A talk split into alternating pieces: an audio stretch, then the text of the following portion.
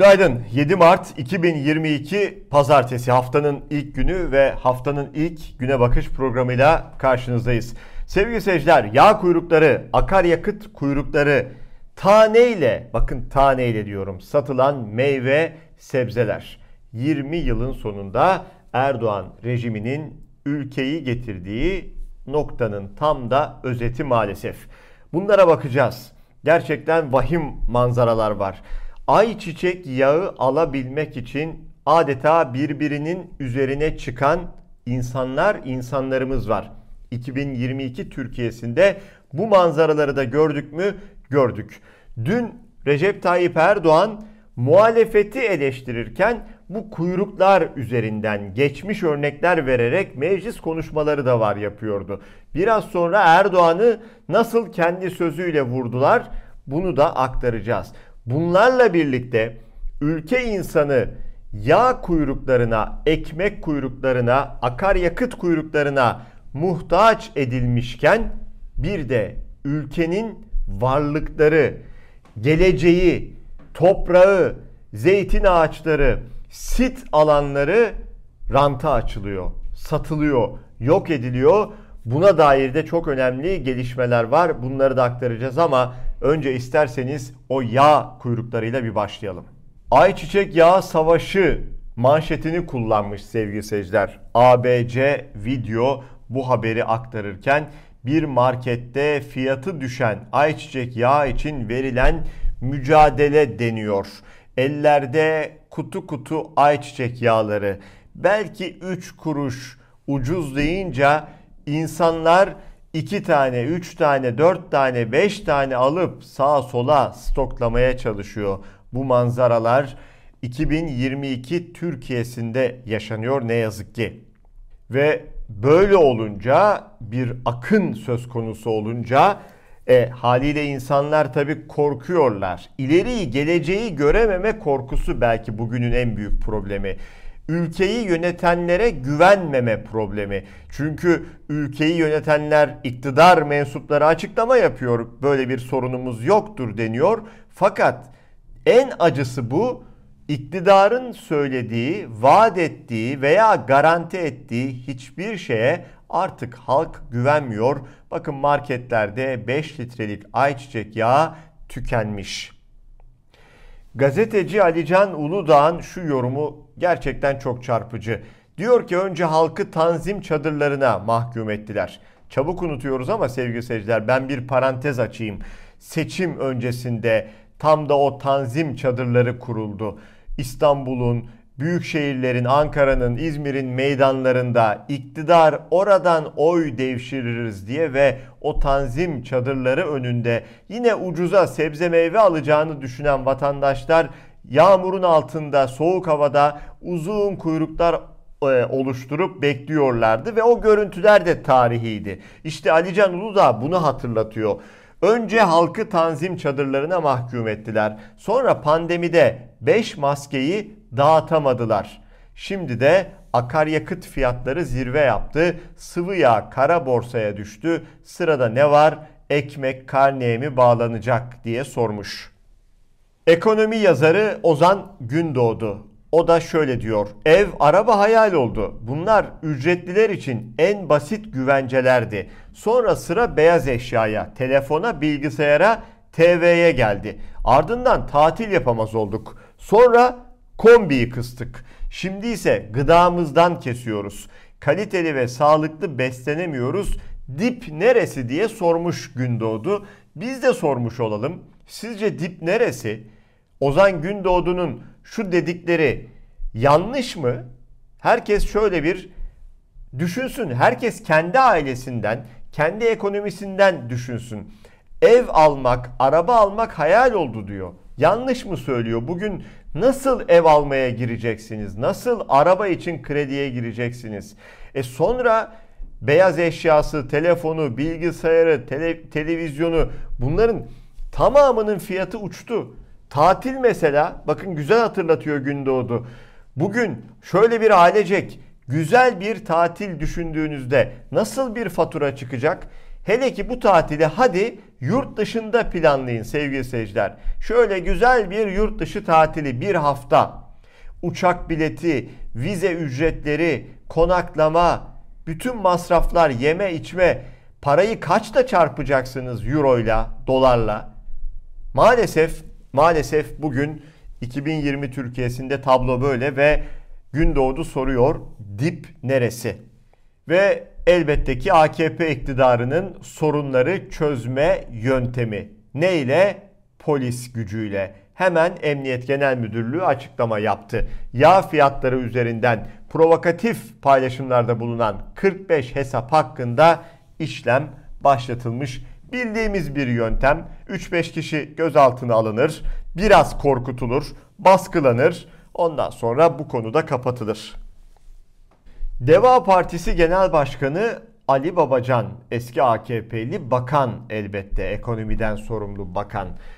Erdoğan'ı, Cumhurbaşkanı Erdoğan'ı dünkü sözleri üzerinden vurdu. Bir video paylaştı. O videoda Erdoğan mecliste konuşuyor. Geçmiş günler. Erdoğan kimi eleştiriyor? Eski iktidarları eleştiriyor. Orada altyazıda bakın ne diyor? Aylardır tüp gaz alamayanlar geceleri de kuyruklarda demiş. Peki Babacan ne diyor? Sabah ekmek kuyruğu, öğlen yağ kuyruğu, akşam benzin kuyruğu. Bu yokluğun tek sorumlusu iktidardaki otoriter ittifak. Önümüzdeki seçim yoklukla bolluk arasında olacak. CHP'den de bu tabloya tepki var. CHP sözcüsü Faik Öztürk eleştirdi.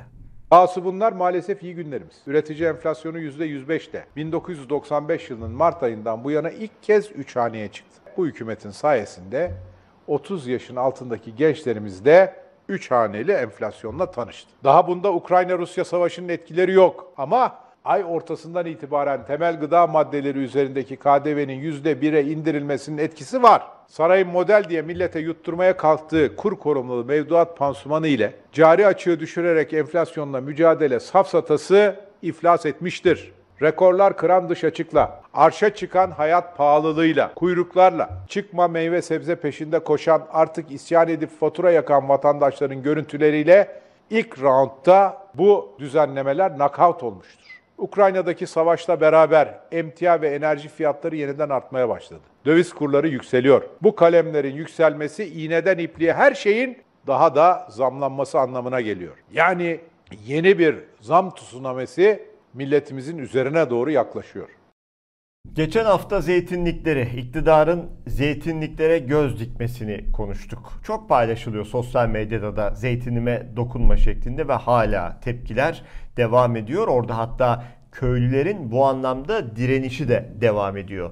Biz bunu konuşurken bu yetmemiş gibi sevgili seyirciler bu kez de ülkenin cennet köşelerine hani bir tabir vardır ya bakmaya doyamayacağınız diye resmen öyle dünyada bile e, eşsiz olarak kabul edilen Türkiye'nin dört bir tarafındaki sit alanları da ranta açıldı.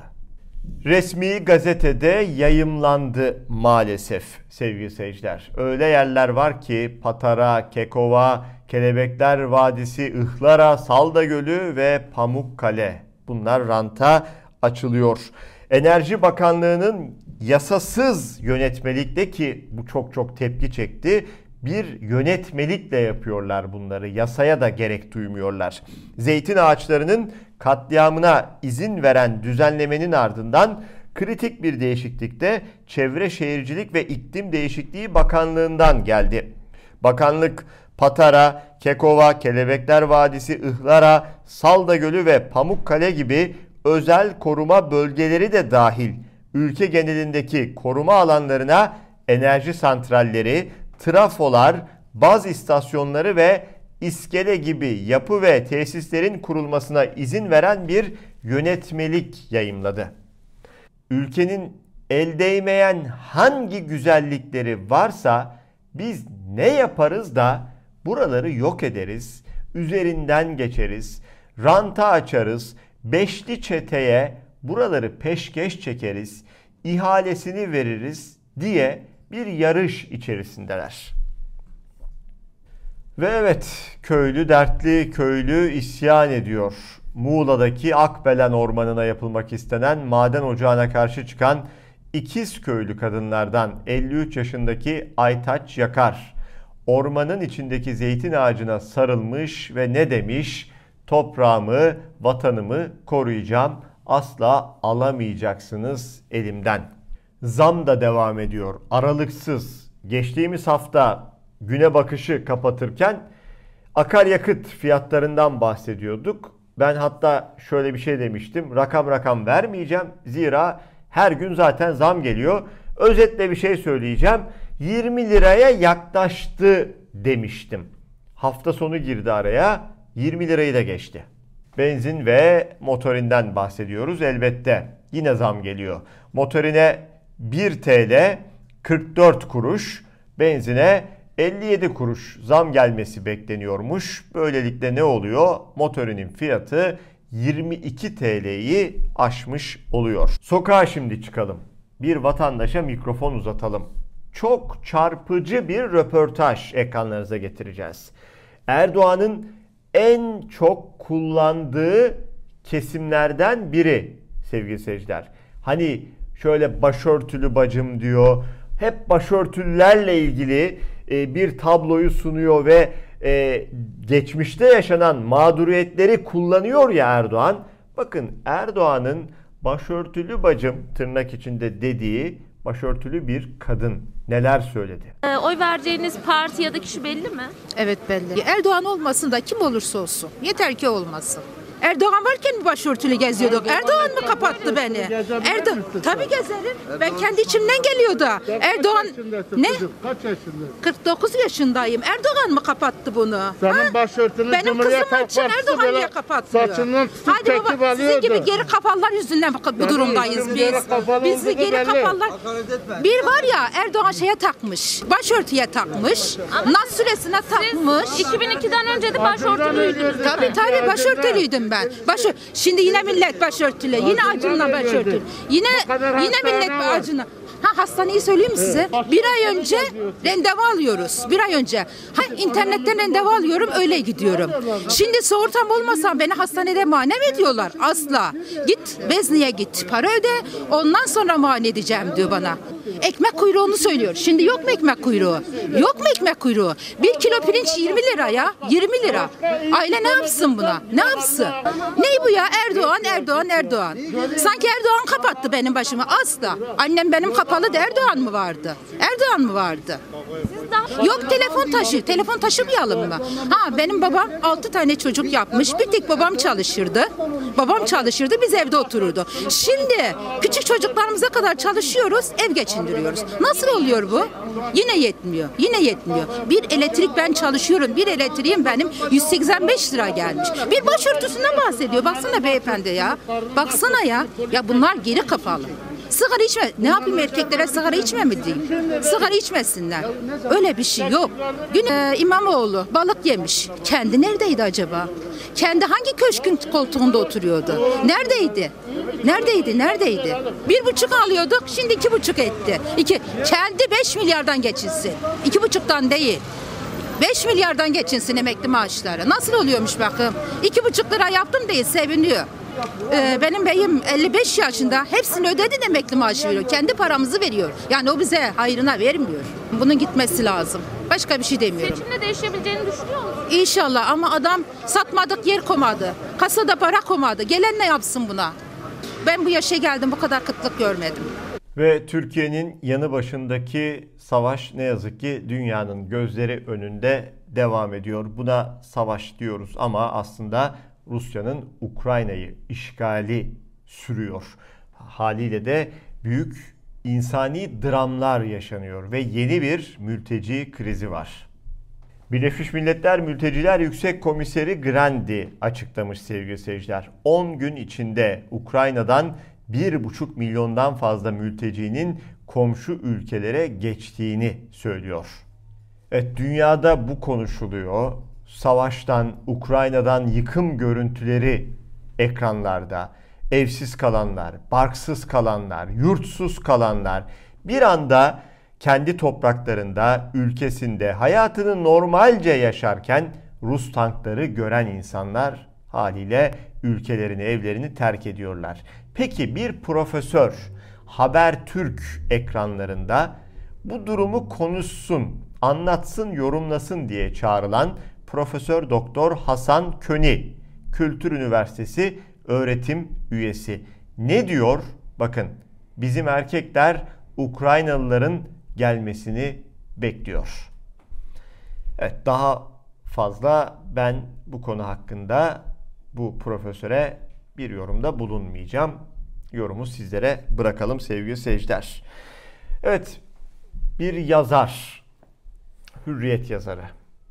Zaman zaman da böyle çeşitli polemiklerle gündeme gelen bir isim sevgili seyirciler. Ahmet Hakan. Normalde Ahmet Hakan'ı burada konu etmeye bile aslında gerek yok. Bu kez de bir sanatçıya sataştı.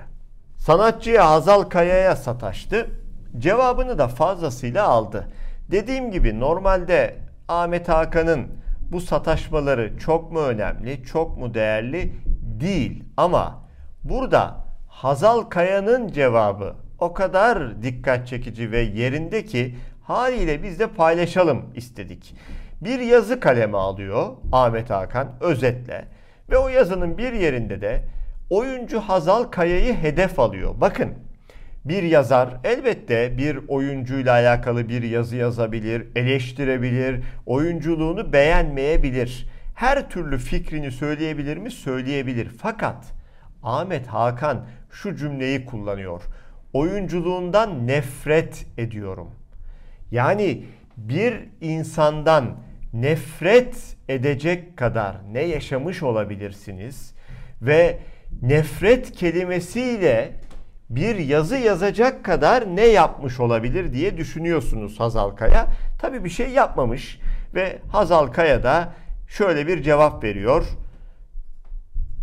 Senin fikrinin ne önemi var? Vasat herif diyor ve konuyu kapatıyor.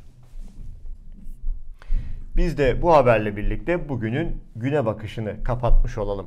Salı sabahı Türkiye saatiyle her zaman olduğu gibi 9'da yine bu ekranlarda Moonstar TV ekranlarında buluşmak üzere yorumlarımızı, haberlerimizi, programlarımızı beğeniyor, ilgiyle takip ediyorsanız bunu çok fazla söylemiyorum sevgili seyirciler. Sizi sıkmak istemiyorum ama bu yayınların beğenilmesi ve bir şekilde de olsa bir tık, bir nokta, bir virgül bile koyarak bir yorum yazmak e, bizlerin çok daha geniş kitlelere ulaşmasına yardımcı oluyor. Bunu esirgemezseniz bizi çok mutlu edersiniz. Hoşçakalın.